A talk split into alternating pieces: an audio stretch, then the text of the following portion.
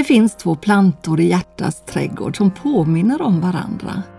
Den ena heter skuld och den andra skam. De är så lika att man nästan tar fel. Skuld ger insikt om att man har gjort något som är fel och som man behöver göra något åt genom att erkänna sina misstag och be om förlåtelse. Alla gör fel som behöver rättas till för att man ska komma på banan igen. Gud har gett människan ett samvete oavsett om man tror på honom eller inte. Det är som en inre väckarklocka som ringer när man har kommit ur kurs.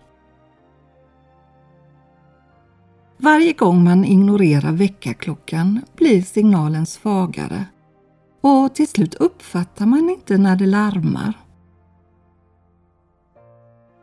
Då blir det okej okay att slå ner tanter på stan, stjäla grannens cykel, skattefiffla, mobba, skvallra och förtala.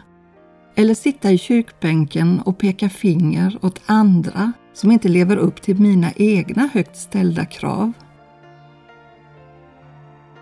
Många undrar, hur kan det finnas en god Gud när det finns så mycket ont? Och så fortsätter man ändå att tissla och tassla och fördöma andra. Skammen däremot är som en stalker som följer efter dig och viskar i ditt öra. Skäms på dig, så pinsam du är. Du är totalt värdelös. Och Det kan till exempel handla om obesvarad kärlek eller att man mot sin vilja blir offentligt exponerad. Eller när man har misslyckats med en uppgift eller känner sig utanför och därför känner sig mindre värd än andra. Men skam kan också ha sitt ursprung i uppenbara fel som man har gjort. Oron och ängslan över att bli fördömd av andra kan leda till att man isolerar sig. Och till slut kan det leda till att livet förtvinar. Visst känns det jobbigt när man vet att man har gjort något som är fel. Det är som om man vill sjunka ner genom jorden. Men nu ska jag berätta om Jesus stora kärlek.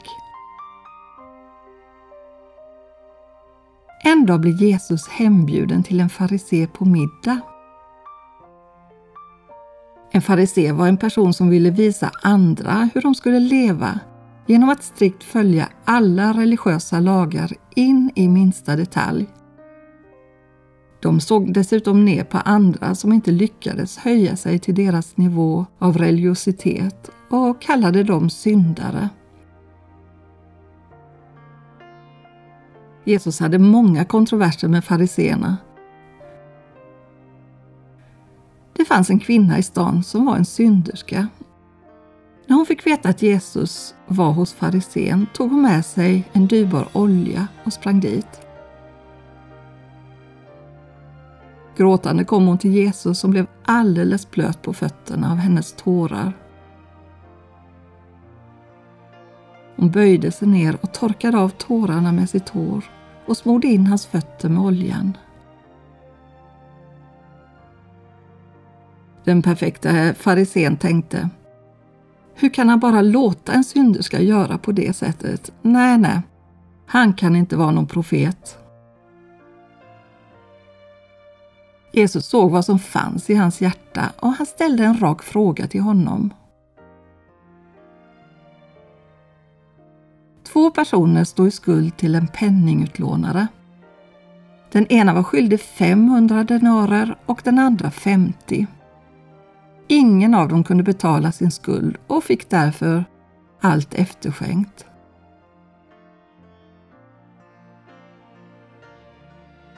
Vem kommer nu att älska honom mest?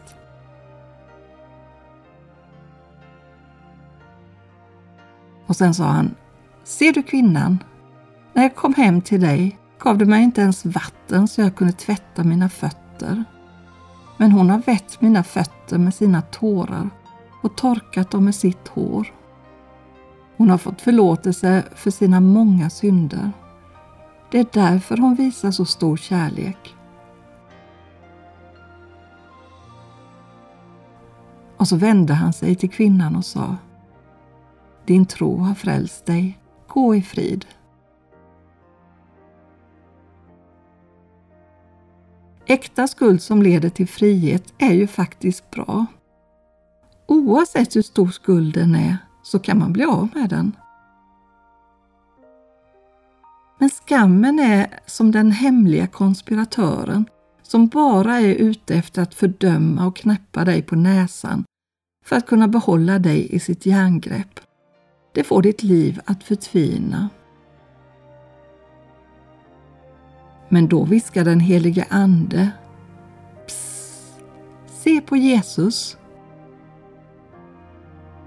Det var därför Gud kom ner till alla oss ofullkomliga människor och blev människa för vår skull.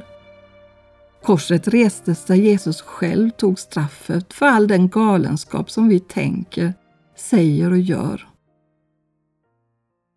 Och korsets lodräta linje går rätt in i Faderns hjärta och han säger Med evig kärlek har jag älskat dig.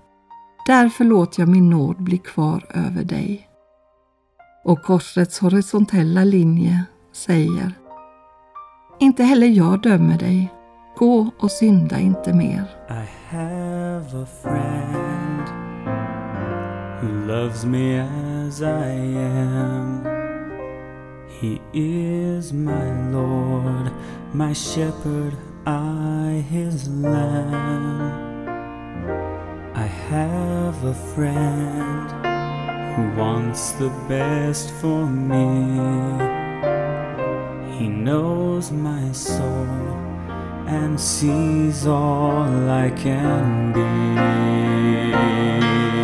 He came to show us how to live. He came with so